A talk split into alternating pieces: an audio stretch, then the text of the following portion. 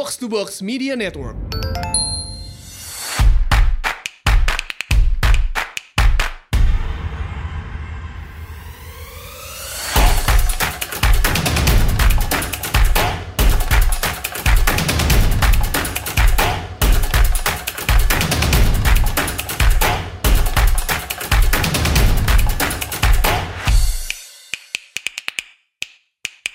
Selamat datang di Asumsi Bersuara dan kali ini kita kedatangan Mas Donald Faris. Uh, selamat datang Mas Donald.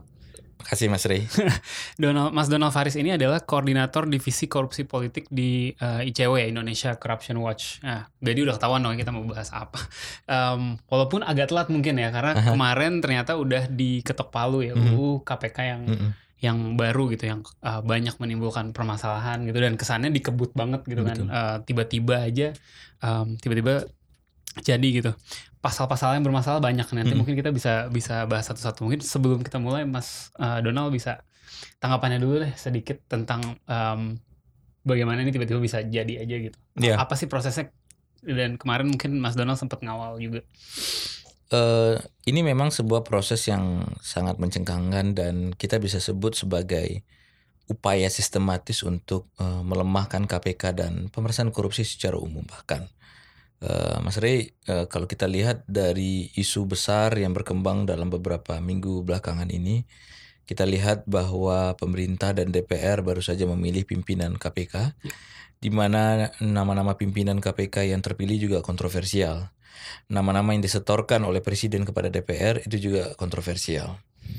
Eh, tidak berselang kemudian bahkan belum dilantik pimpinan KPK yang baru, tiba-tiba DPR dengan usul inisiatif eh, mengesahkan, mengusulkan dan kemudian mengesahkan undang-undang eh, KPK. Salah satu proses yang paling cepat dan kilat sebab undang-undang KPK ini dari mulai pengajuan sampai dengan kemudian pengesahan itu hanya butuh waktu 13 hari saja. dua nggak nyampe dua minggu itu 13 hari saja dan diikuti disahkan oleh 80 orang dari 560 orang anggota DPR.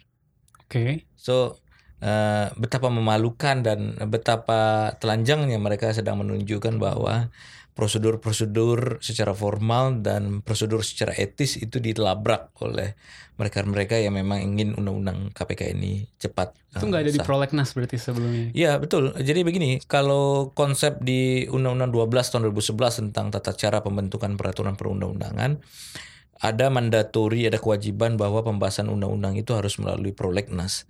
Dan setiap tahun itu, Mas Rey, pemerintah dan DPR itu bersepakat mengeluarkan yang namanya prolegnas prioritas. Hmm. Di 2019 ini ada 55 RUU prolegnas prioritas.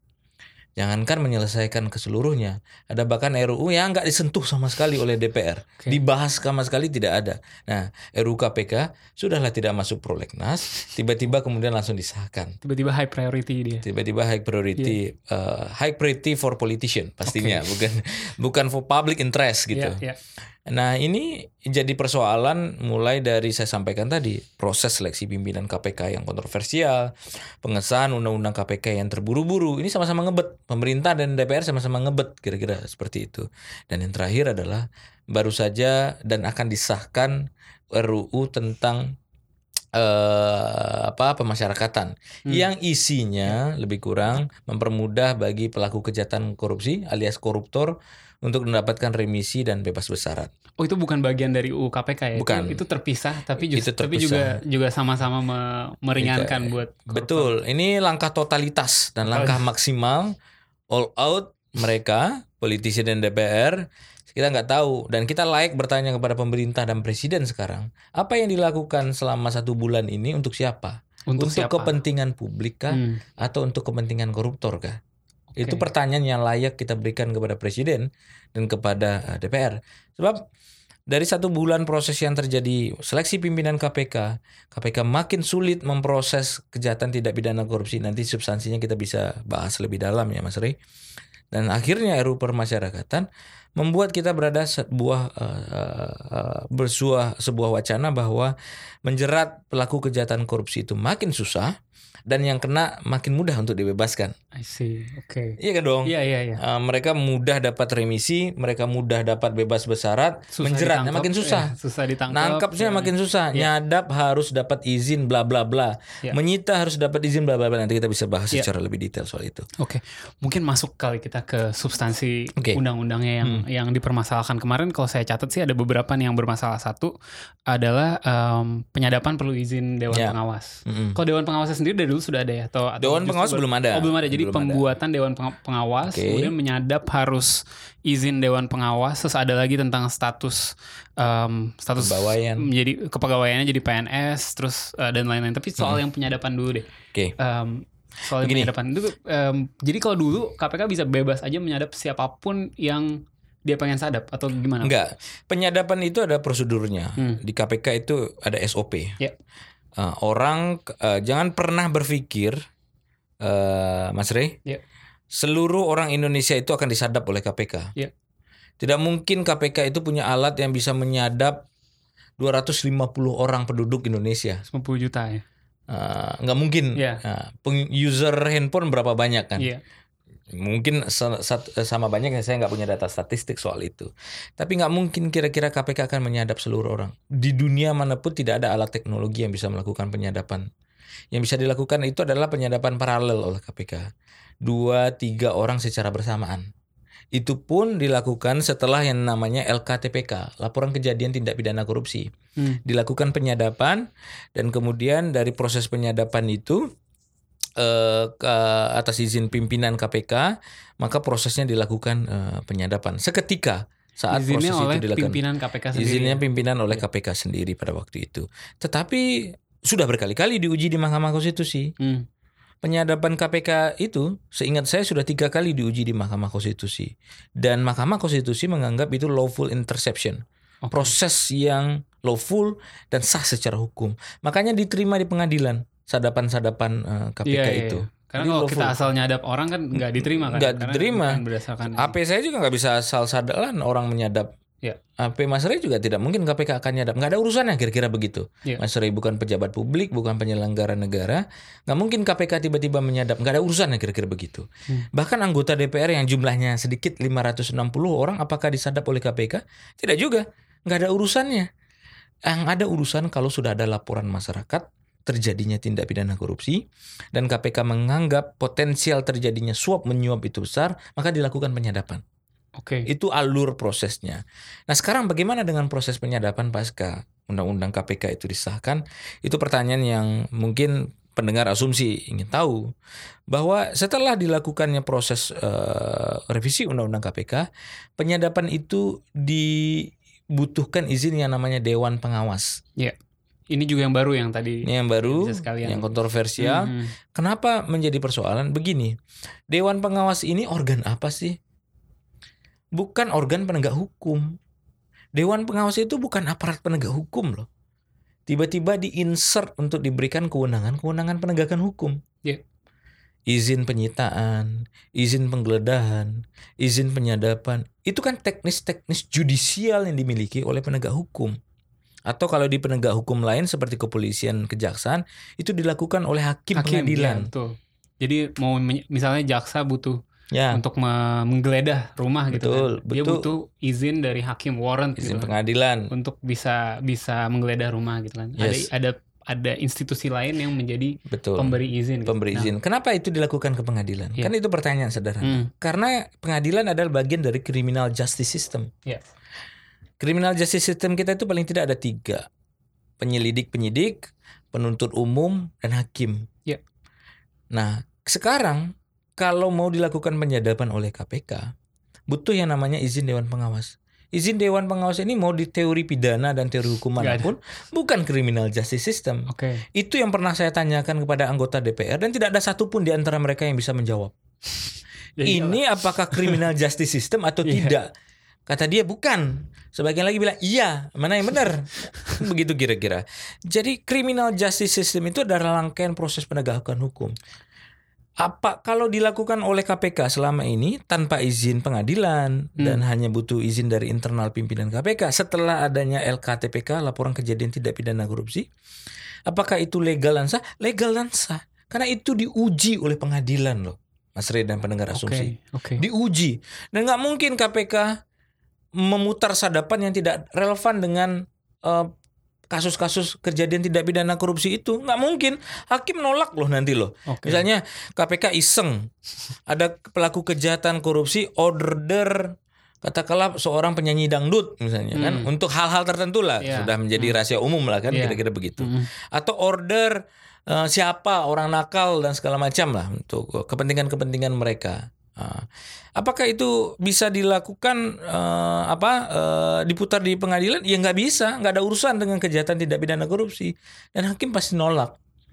Nah, jadi kalau dikhawatirkan oleh mereka mutar sadapan yang di luar kejahatan tidak pidana korupsi, justru domain hakim menolak pemutaran rekaman yang tidak berkaitan dengan I see. perkara. Kalau saya boleh tanya lebih dalam soal itu, em, yang tadi dibilang kalau kalau di di eh, kejaksaan misalnya dia harus butuh warrant dari hakim, tapi KPK ini enggak. Sementara sekarang kan jadinya lewat Dewan Pengawas. Yang dipermasalahkan adalah karena eh, kewenangan untuk mengizinkan penyadapan itu adalah dari Dewan Pengawas yang kita nggak jelas ini Bentuknya? institusi apaan, Mm-mm. atau em, atau sebenarnya pada prinsipnya nggak mau aja ada ada ad- nggak boleh nggak sebaiknya nggak perlu ada Saya saya izin setuju. misalnya misalnya contohnya iya, hakim iya, gitu iya, iya, misalnya oke. KPK harus tet- harus ke hakim juga sama seperti polisi itu masalah gak? Eh, Jadi begini, saya setuju pengawasan terhadap penyadapan karena itu juga putusan Mahkamah Konstitusi. Iya. Putusan Mahkamah Konstitusi menganggap bahwa penyadapan KPK itu lawful interception. Iya. Nah, tapi di pertimbangan hakim MK begini loh Mas Rey, bahwa penyadapan di Indonesia pada prakteknya dimiliki oleh banyak institusi. Hmm. Kepolisian bisa nyadap, Badan Intelijen Negara bisa menyadap, kejaksaan bisa menyadap. Tapi undang-undangnya tersebar di masing-masing undang-undang iya. perintah hakim Mahkamah Konstitusi adalah buat undang-undang penyadapan. Ini undang-undang gak kelar-kelar sampai sekarang. Oh harusnya ada undang-undang Harusnya penyadapan undang-undang penyadapan. yang benar-benar menjelaskan Betul. gimana eh, ininya ya Kalau sudah ada undang-undang penyadapan, baru nanti akan koheren dengan penyadapan oleh KPK. Ini undang-undang penyadapannya belum kelar, tiba-tiba penyadapan KPK diatur oleh organ yang gak jelas tadi. I see oke Nah, yang kita mau juga post factum lah kalau mau. Nyadap dulu habis itu diaudit. Namanya pengawasan kan begitu. Hmm. Kalau enggak, kalau begini namanya bukan organ pengawasan, namanya organ perizinan. Iya dong. Iya. Bukan pengawasan namanya. Kalau ngawasan itu kan post factum, orang melakukan dan kemudian benar atau salah akan dicek kemudian. Iya. Begitu kan esensi pengawasan. Kalau perizinan kan di awal. Iya. Minta dulu A, B, C dan D untuk perizinan, baru kemudian eh, bisa dilakukan. nggak tahu kapan jadinya itu izin dikasihnya tuh Yes, itu Udah problemnya. Dan yang paling buruk adalah Mas Rey, kalau Dewan Pengawas membocorkan izin dia penyadapan itu, siapa yang bertanggung jawab? Dan tidak ada undang-undang mengatur soal itu. Oke, kalau Dewan Pengawasnya sendiri ini kan eh, tadi ternyata kewenangannya nggak cuma penyadapan kan, semua pe- penggeledahan, penyitaan segalanya. Hmm. Tapi em, Dewan Pengawas ini di- dipilih Oleh presiden. di- oleh presiden saja, butuh DPR Ya. juga kan? Eh, Presiden yang memilih lima orang Presiden memilih lima dan orang. DPR hanya pertimbangan. Oke, sementara ketua KPK itu juga begitu kan? Ketua KPK itu dipilih oleh eh, presiden dari yang diusul dipilih oleh DPR dari 10 Usulan. nama yang diusulkan oleh presiden. Ya maksud saya saya cuma pengen menanyakan apa bedanya apa dulu dan sekarang dulu dari dulu juga presiden bisa milih siapa pun yang dia mau menjadi ketua KPK kan? Nah, da- ya, ya lebih kurang seperti ini. Dalam kacamata politik, saya memandangnya begini, Mas Rey. Ini kan sudah ada lima pimpinan KPK Ya. yang diusulkan oleh presiden dari 10 nama. Hmm. Itu dipilih oleh presiden loh 10 nama Iya, itu. iya. Walaupun instrumennya adalah pansel. Nah, kemudian menjadi lima nama di DPR. Hmm. Kalau lah presiden percaya kepada pilihan-pilihannya terhadap 10 nama yang diusulkan kepada DPR itu ya nggak perlu dewan pengawas. Ya, I see. Ya. Ini kan artinya presiden tidak percaya sendiri dengan pilihan-pilihannya Dia sendiri. dia sendiri. Logikanya kan begitu. Iya. Butuh mengawasi, mengawasi siapa? Pimpinan. Lah pimpinan kan presiden sendiri yang milih. Iya, iya, iya. Nah logikanya kan nggak nyambung jadinya. Jadi beliau menggerus trust terhadap pilihannya sendiri. Hmm. Mungkin dia nggak pengen orang terlalu kuat kali yang dia pilih sendiri pun. Iya, kalau begitu pilih orang yang bisa dikendalikan oleh presiden kira-kira untuk Oke. lima orang kan begitu Iya, kira-kira. iya, iya. Jadi mau mengawasi oleh eh, lembaga yang dibentuk. Nah, ini kan logika lama. Nanti dipilih organ untuk mengawasi. Kemudian timbul lagi pertanyaan, iya mengawasi ini siapa yang akan mengawasi? Ada lagi pengawasnya pengawas. Siapa pengawas? Who watch the watcher? kan begitu logikanya. Pengawas Karena kan logikanya kalau dibentuk dewan pengawas untuk mengawasi, muncul nggak bisa potensi nggak dewan pengawas ini melakukan kejahatan, ya pasti. Ya. crime in procedure? Ya. Sangat mungkin dong. Ya. Apa contohnya crime in procedure itu dibocorkan? Ini dewan pengawasnya misalnya mantan penegak hukum. Nah KPK mau menyadap penegak hukum. Dicek. Hmm. Oh dia punya, oh ini teman saya yang mau disadap. Dibocorkanlah oleh Dewan Pengawas ini kepada kawannya. Hey you, berhenti transaksi, pulang ke rumah. KPK mau melakukan operasi tangkap tangan. Ini akan disadap. Bisa jadi kan seperti itu. Iya, iya, iya. Nggak apa instrumen hukum untuk menindaknya? Ya, Nggak belum ada. ya. Tidak ada sama sekali, Mas Rey. Karena undang-undang yang baru itu tidak mengatur sama sekali. I see, I see. Mas Donald, kita ada beberapa pasal lagi yang yang bermasalah. Contohnya adalah Ini status- bisa satu hari satu malam untuk membahas pasal yang panjang ini sebenarnya. yang paling ramai dulu lah. Ya ya namanya dulu lah. Soal status pegawai KPK jadi PNS. Oke. Itu masalah. Bagi saya begini ya. Apa apa prosedur dan apa kegentingan yang membuat pemerintah membuatnya menjadi ASN? Saya pikir tidak ada. Polri itu Bukan sipil ya. bukan Iya. sipil, dia adalah pegawai Polri. Iya. Di KPK awalnya adalah pegawai KPK yang diangkat dan dilantik oleh KPK. Nah, sekarang mau dijadikan ASN. ASN itu kita punya jen- banyak jenis loh. Hmm. Satu ada yang by kontrak. Saya agak khawatir ke depan bukan tidak mungkin kalau tidak ada yang tidak suka ke pegawai-pegawai KPK yang kritis, pegawai KPK yang idealis, tiba-tiba mereka disodorkan ang you jadi pegawai ASN sebagai ASN by kontrak saja. Hmm. Jadi dia tidak di-kick dengan cara dipaksa, tapi dijadikan dia pegawai kontrak. Dan kemudian prosedur-prosedur yang ada dan kemudian monitoringnya akan berbeda treatmentnya. Menurut saya eh, presiden ini se- sedang menggaruk sesuatu yang yang yang tempat yang tidak gatal sesungguhnya. Hmm. Pegawai KPK itu tidak ada persoalan di situ. Karena dia tidak melakukan kriminal prosedur. Eh, yang yang yang tidak disenangi oleh banyak orang itu kan wadah pegawai. Hmm. Sekarang yang rame itu, Mas Ray. Dan wadah pegawai pun diatur oleh PP. PP nomor 5 tahun 2003 saya kalau tidak salah. Itu mengatur tentang kepegawaian KPK dan mereka punya hak untuk memilih dan membentuk yang namanya wadah kepegawaian. Diatur oleh undang-undang seperti itu. Jadi menurut saya yang menjadi persoalan terbesar adalah satu independensinya bisa jadi tergerus. Hmm. Dua, uh, bukan tidak mungkin uh, ini satu waktu akan menjadi bom dan persoalan baru di mana pegawai-pegawai lama yang idealis, pegawai-pegawai lama yang sudah merintis dari lembaga ini tiba-tiba disadari ASN by kontrak. Dan kemudian kontrak habis, mereka kemudian silakan you cari tempat yang lain kan seperti itu dan dimasukkan orang-orang yang yang tidak steril dan tidak lagi punya ideologi yang sama dalam pemerintahan korupsi menjadi pegawai KPK. Karena kalau jadi ASN berarti ada ada kewenangan juga dari kementerian Ya, terkait ya. Pan RB. Pa-. Pan RB untuk Hmm. untuk mengatur remunerasinya atau segala Betul. macam yang bisa mempengaruhi kinerjanya mereka juga Betul. gitu. Kalau selain itu mas, em, sebelum kita abis ini saya pengen bahas juga soal eh, pemilihan ketua kemarin yang Hmm. bermasalah. Tapi sebelum itu ada ada pasal lain lagi nggak yang Pasal ICW ba- banyak ya? sekali pasal yang bermasalah. Misalnya penuntutan dikoordinasikan dengan kejaksaan. oke? Oke. Pasal ini mengatur bahwa dalam hal melakukan penuntutan KPK eh, berkoordinasi dengan eh, institusi dengan undang-undang lain. Maksudnya kan sebenarnya mau mengadres bahwa penuntutan KPK itu berkoordinasi dengan kejaksaan. Nah, itu poin bermasalah. Masa ya KPK misalnya menye- mau men- eh, sedang menjerat jaksa, kemudian penuntutannya Hmm. dikoordinasikan dengan kejaksaan. Kan nggak mungkin logikanya seperti itu. Oke. Kemudian penyidik pengangkatannya itu dilakukan pelatihan bersama koordinasi dengan kepolisian. Itu juga persoalan. Pelatihan menurut pelatihannya kerjasama dengan kepolisian. berkoordinasi dengan kepolisian. masalahnya di mana tuh? Lati, latihan me, apa? Latihan me, menangkap orang gitu misalnya. Enggak, pen- eh, latihan penyelidikan dan Latihan penyidikan. penyelidikan misalnya. Nah, itu dilakukan oleh mereka. Dan yang paling fundamental justru kayak begini juga, Mas Rey. Di undang-undang yang lama itu mengatur bahwa pimpinan KPK itu adalah penyidik dan penuntut umum. Oke. penyidik dan penuntut umum.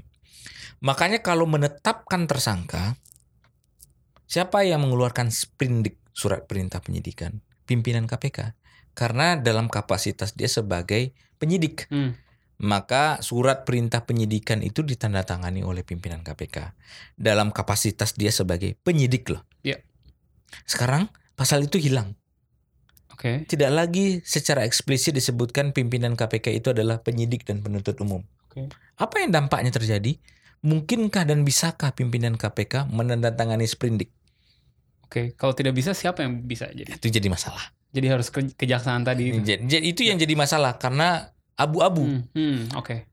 Pasal yang lama itu kenapa setiap sprindik pimpinan KPK yang kemudian tanda tangan dan mengumumkan karena mereka adalah penyidik dan penuntut umum maka surat perintah penyidikan itu ditandatangani oleh pimpinan. Nah sekarang karena pimpinan KPK tidak lagi penyidik dan penuntut umum bisakah mereka menandatangani sprindik? Itu jadi persoalan loh karena akan menimbulkan tafsir. Jadi menurut saya kita sudah panjang kali lebar berbicara soal materi, substansi, dan soal formil juga, semakin menegaskan bahwa undang-undang ini dibuat dengan ketergesaan. Hmm. Kayak supir Metro Mini ngejar target. Menjelang eh, ganti DPR ya. Menjelang ganti Iya. DPR dan supir Min- eh, Metro Mini mengejar target untuk setoran, kira-kira begitu. Kita nggak tahu Untuk siapa? untuk siapa ini kan. Tapi kalau kalau dari cewek melihatnya ketergesaan ini kenapa gitu? Padahal misalnya tadi kan sempat dibahas nih kayaknya dari pemerintah juga yang ingin yang ingin apa eh, yang ingin cepat-cepat segala macam. Tapi Ya. buat apa toh DPR yang baru juga lebih kuat lagi koalisinya pemerintah gitu. Kan Ini yang lama- menjadi bisa lebih lama sebenarnya. Enggak, ini yang jadi pertanyaan kita kepada Presiden. Uh, di dalam Undang-Undang Nomor 12 Tahun 2011 tentang tata cara pembentukan peraturan perundang-undangan, Presiden itu punya waktu 60 hari kerja untuk bisa membaca, mengeluarkan daftar inventarisir masalah, dan kemudian mengeluarkan surpres. Surpres itu singkatan dari surat presiden. Persetujuan presiden untuk membahas undang-undang, kan Hmm, begitu iya. karena usul ini usul inisiatif dari DPR maka kemudian keluarlah surpresnya apa yang terjadi presiden nggak lama-lama kok ngeluarin surpres nggak lama-lama nggak buru-buru artinya secara implisit presiden juga paham dan mau untuk Hmm. melakukan revisi undang-undang eh, KPK ini Iya. kalau presiden mau punya ruang waktu yang lebih banyak lebih concern benar-benar untuk memperkuat katanya kan memperkuat Presiden dan DPR ini kan sama-sama berada pada narasi yang sama untuk memperkuat.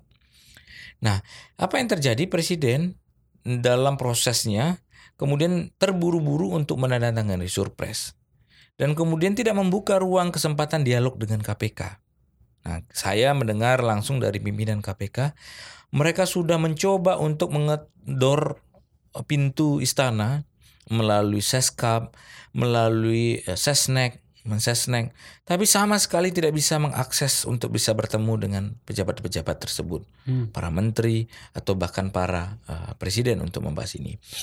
Kalau memang berada dalam kondisi atau narasi yang memperkuat, aneh menurut saya. Orang yang diperkuat kok nggak pernah ditanya.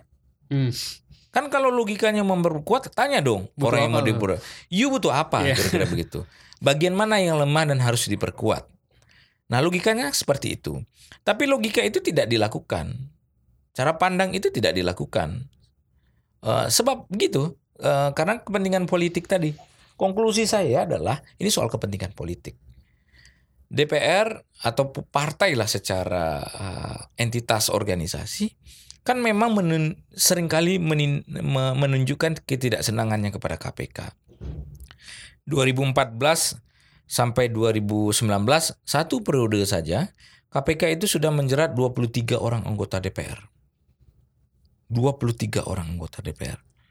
Ya polisi dan jaksa kan nggak pernah diisak oleh KPK oleh DPR kan nggak pernah ada anggota DPR aktif Hmm. yang ditandangani oleh kepolisian kejaksaan.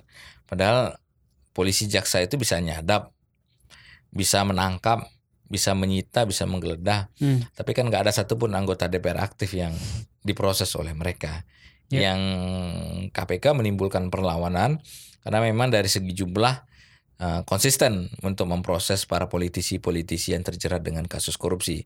Bahkan kemarin politisi dari PKB yang kemudian Menteri Pemuda dan Hmm. Olahraga Imam Nahrawi Kena barusan. yang baru saja ditetapkan sebagai tersangka oleh KPK. Nah, konsistensi itu DP eh, eh, KPK apa kepolisian dan kejaksaan kan juga tidak pernah memproses para menteri aktif Nah, dan KPK yang melakukan itu. Pada kewenangannya sama loh, bisa melakukan itu. Tapi kan yang mengejar korupsi politik ini hanya KPK. KPK juga mendapatkan serangan secara politik. Revisi Undang-Undang KPK ini menurut saya adalah bagian dari serangan secara sistematis dari sektor politik kepada Komisi Pemberantasan Korupsi. Struktur masif dan sistematis. Sistematis. Eh, Mas Donald, ba- balik lagi dikit soal soal pengawasan ya. Kalau menurut ICW nih, seharusnya KPK yang mengawasi lantas siapa? Karena misal ini kaitannya Hmm. dengan eh, katanya pimpinan yang baru rada bermasalah gitu kan, Hmm, eh, hmm, backgroundnya segala macam. Ya kalau bermasalah kan perlu ada pengawasan dong pasti. Tapi kalau bukan dewan pengawas, lantas baik baiknya baik bagaimana? Saya sering ketika berargumentasi dengan Hmm. anggota DPR bertanya, kalau Anda konsisten dengan konsepsi pengawasan bahwa setiap lembaga itu harus diawasi, mari kita tanya, siapa yang mengawasi DPR? Rakyat selama lima tahun sekali. Kata kata siapa rakyat? Rakyat sudah teriak kemarin menolak revisi undang-undang KPK nggak didengar. diterima, iya. Ya, karena baru udah lewat pemilunya justru. Nah, jadi jadi menurut saya mereka selalu membangun alibi bahwa Ya. harus ada organ yang diawasi tapi mereka nggak mau diawasin. Hmm. Badan kehormatan DPR mana pula mengawasi anggota DPR? Iya. Banyak sekali kasus Setia Novanto aja nggak ada putusannya bahkan dikembalikan sebagai ketua DPR oleh Badan Kehormatan. Iya. Jadi menurut saya mereka punya standar ganda Hmm. DPR itu kalau bicara soal eh, pengawasan. Pengawasan. Nah, eh, siapa yang mengawasi KPK? Ini Iya. pertanyaan paling mendasar. Satu, soal keuangan KPK itu diawasi dan diaudit oleh BPK RI. Iya. Oke. Soal etik KPK itu dua mekanismenya. Satu pengawasan internal dan kemudian yang kedua adalah pengawasan komite etik kalau terjadi pada level pimpinan. Hmm. Dan bahkan pimpinan KPK itu bisa diperiksa oleh pengawas internal. Hmm. Saya pernah mendengar, lagi. iya dari dalam loh Hmm. bisa ngawasnya. Saya mendengar uh, beberapa kali pimpinan KPK itu pernah diperiksa oleh pengawas internal. Contoh, ketika ada pimpinan KPK yang menggunakan baju lengan pendek, itu bisa dipengawas oleh internal loh. Pak Saud pernah diperiksa loh, Saud Situmorang. Karena pakai baju lengan pendek. Pakai baju lengan pendek. Kenapa, kenapa tuh? Nah, karena kelihatan tatonya. itu diperiksa oleh pengawas internal loh. Oh, jadi kalau ada ada politisi yang pakai lengan panjang terus gitu ya. Semoga uh, lengan panjang Oh, bukan iya, oke. panjang tangan itu yang Oke. paling penting. ya, lengan panjang Iya, jauh iya. lebih bagus dari panjang tangan. Jadi kalau Jadi kalau menurut saya saya mau selesaikan di wilayah pengawasan di internal KPK. Pengawasan internal itu bahkan bisa memeriksa pimpinan, pimpinan KPK. sendiri. Ya. Dan itu tidak pernah ada loh di penegak hukum lain. Siapa yang bisa memeriksa? Apakah berani Bawas Badan Pengawasan Mahkamah Agung itu meriksa ketua MA? Hmm. Apakah berani Provos di kepolisian itu meriksa Kapolri, Wakapolri? Apakah berani eh, badan pengawas di kejaksaan itu Hmm. eh, komisi kejaksaan memeriksa dan mengawasi jaksa agung dan jasa agung muda? Gak ada. Di KPK justru itu bisa dilakukan secara etik. Secara prosedural penegak hukum, siapa yang mengawasi dan mengontrol? Itulah yang kemudian disebut sebagai pengadilan court. Orang ditetapkan sebagai tersangka oleh KPK kalau buktinya kurang bisa diuji pra peradilan. Instrumen pengawasan enggak? Instrumen pengawasan dong. Bukti-bukti yang dimiliki oleh KPK diuji di pengadilan tipikor. Bukti check and balances enggak? Ya. Bukti check and balances dong. Ya. Nah, itu soal kasus crime prosedur dan substansi perkara. Soal yang lain gimana? Bisa diawasi oleh DPR. Putusan Mahkamah Konstitusi nomor 38 tahun 2017 menyatakan bahwa KPK itu objek angket. Jadi bisa diangket oleh DPR. Kurang ngawasin apa lagi. Jadi memang bukan ngawasin isunya, yang yang mau dilakukan itu adalah mengontrol.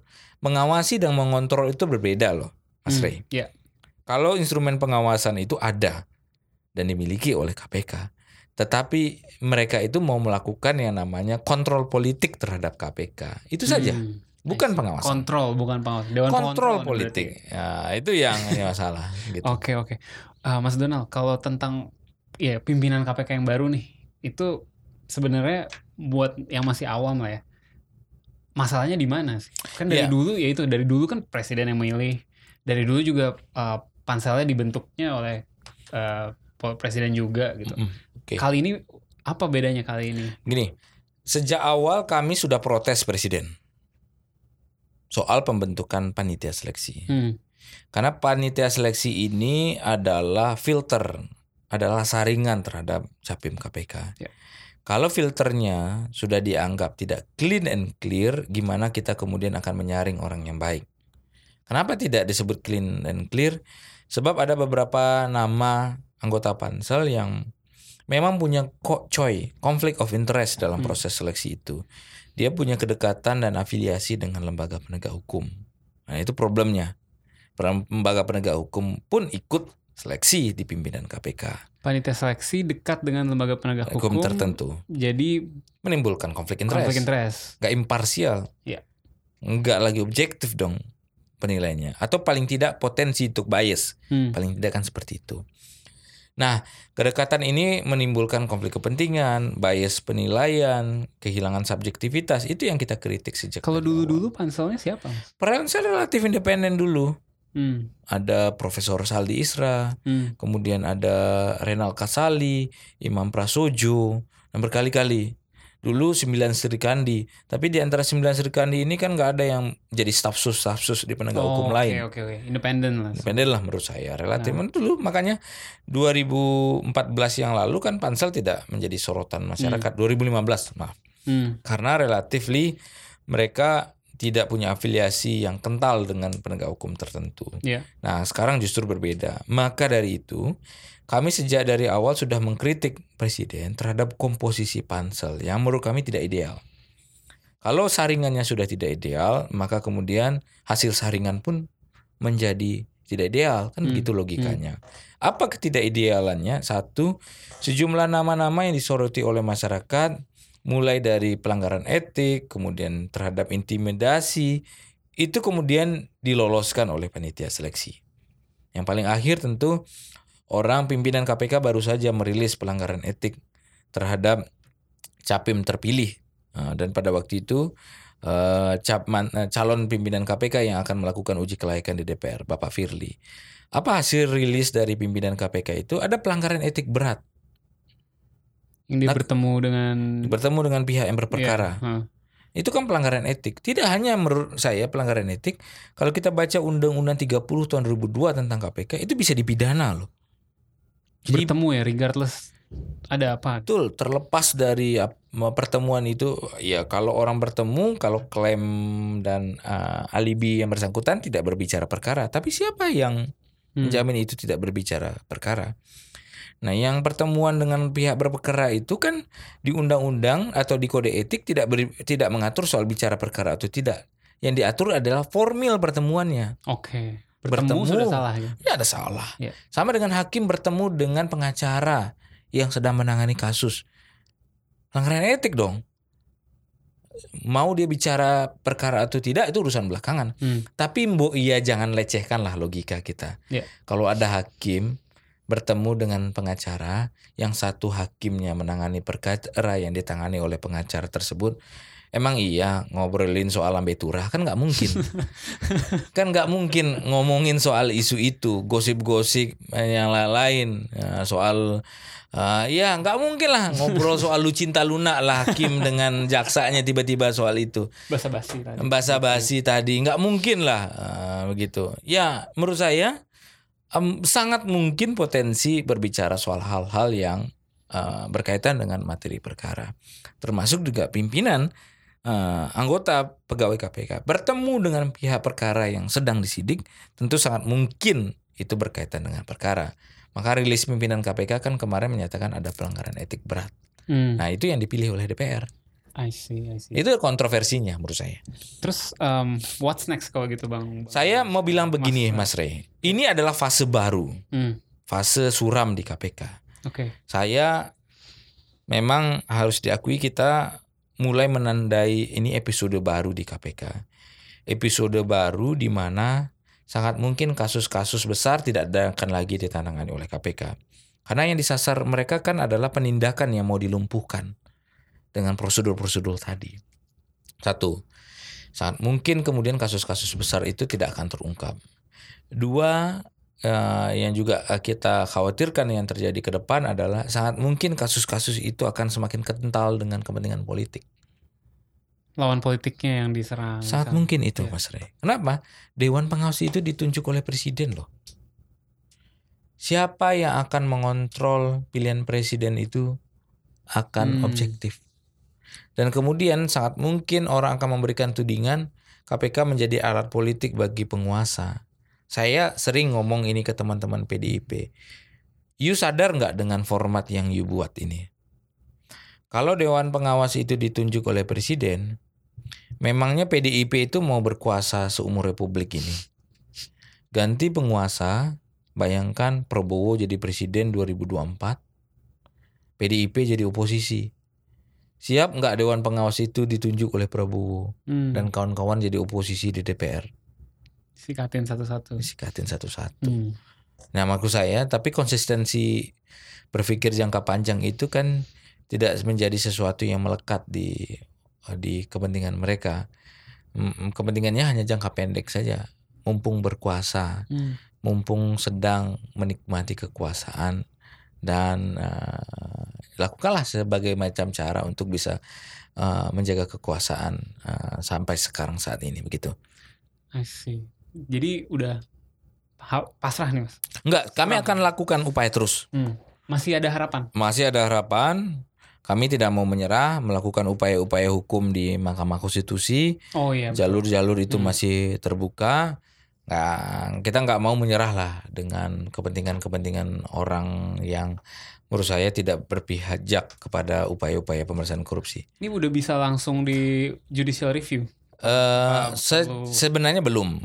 Nanti kalau udah ditandatangan presiden ya? Oh, eh, sudah diundangkan mm -hmm. dan masuk di lembaran negara, uh, sudah ada penomorannya baru bisa dilakukan judicial review di uh, Mahkamah Konstitusi. Tapi teman-teman ICW siap nih langsung akan JR.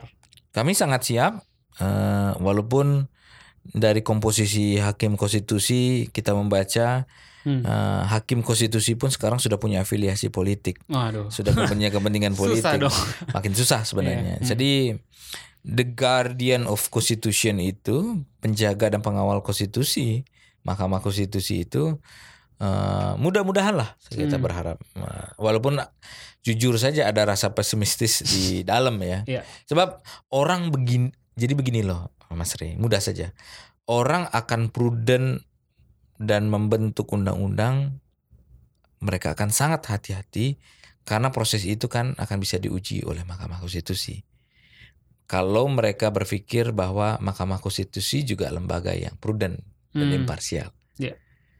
Tapi mereka berani gerasa gurusu nyusun undang-undang karena mereka justru pasti sudah ngitung juga di Mahkamah Konstitusi. Nggak bakal nggak bakal di strike down lah ini gitu kira-kira. Gitu. Mereka sudah ngitung sampai level itu.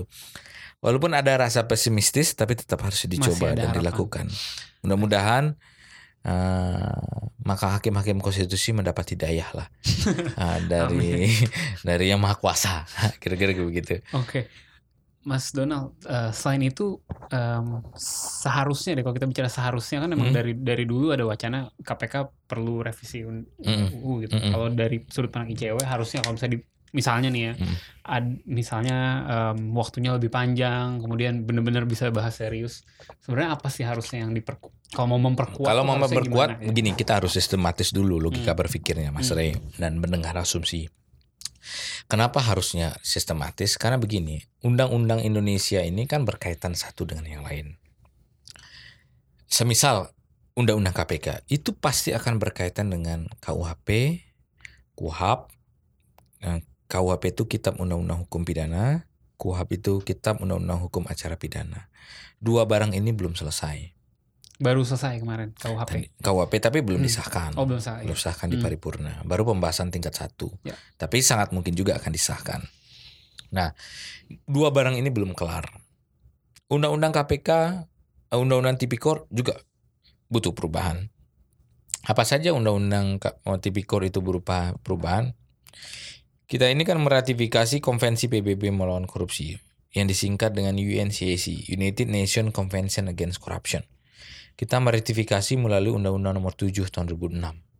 Nah, di situ banyak sekali pasal-pasal yang belum kita ratifikasi.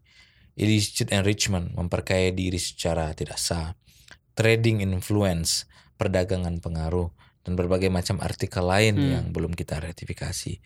Nah, kok tiba-tiba mau merevokasi undang-undang KPK dulu sebelum memperbaiki gitu undang-undang kayak dibahas. begini. Jadi menurut saya memang ini lompatan. Lompatan karena kepentingan politik. Enak zaman kutoh kan begitu sekarang yang sedang laku kan Iya, iya. mengembalikan Indonesia ke masa lalu. Karena zaman lalu itu lebih enak. Orang korupsi nggak ada KPK kan. Hmm. Orang korupsi tidak ada proses hukum yang imparsial karena hukum dulu sekarang juga masih sesungguhnya tajam ke bawah, tumpul ke atas. Hmm. Nah, itu mau dibuat lagi seperti itu sekarang. I see, I see. Mas Donald, kita sebenarnya udah hampir 40 menit nih waktunya. Em, ada lagi nggak terakhir deh dari Mas Donald yang dari tadi belum sempat saya tanyakan. Saya gini, saya lebih baik ke himbauan lah, himbauan Hmm. kepada masyarakat jangan lelah untuk menjaga KPK. Hmm. Jangan takut untuk mengkritik pemerintah. Hmm. Karena kekuasaan itu harus diawasi. Jangan pikir pemerintah DPR itu punya itikat baik untuk eh, selalu eh, bekerja di wilayah masyarakat. Politisi itu bekerja dengan kepentingannya. Eh, bahkan ada satir dari eh, sejumlah eh, apa ilmuwan eh, sep- kalau DPR itu jangan salahkan DPR itu kalau tidak bekerja. Menarik ini kata-katanya, sebuah satir. Jangan salahkan DPR itu kalau mereka tidak bekerja. Justru ketika mereka bekerja lah mereka akan menimbulkan masalah. Wah, saya setuju ini. Makanya se- sebelum beberapa bulan ini saya pernah bilang ini DPR 2014-2019 ini yang paling baik. Karena nggak pernah bikin apa-apa. Tapi giliran mereka bikin apa-apa justru Baru jadi- tidak baik. baru jadi masalah. Oke oke. Eh, makasih banyak nih. Sama-sama, Mas Rey. eh, Mas Donald atas waktunya udah datang ke Asumsi Bersuara. Sa- jangan lupa follow Asumsiko, follow Box to Box ID. Sampai jumpa lagi di hari Selasa depan. Eh, ciao.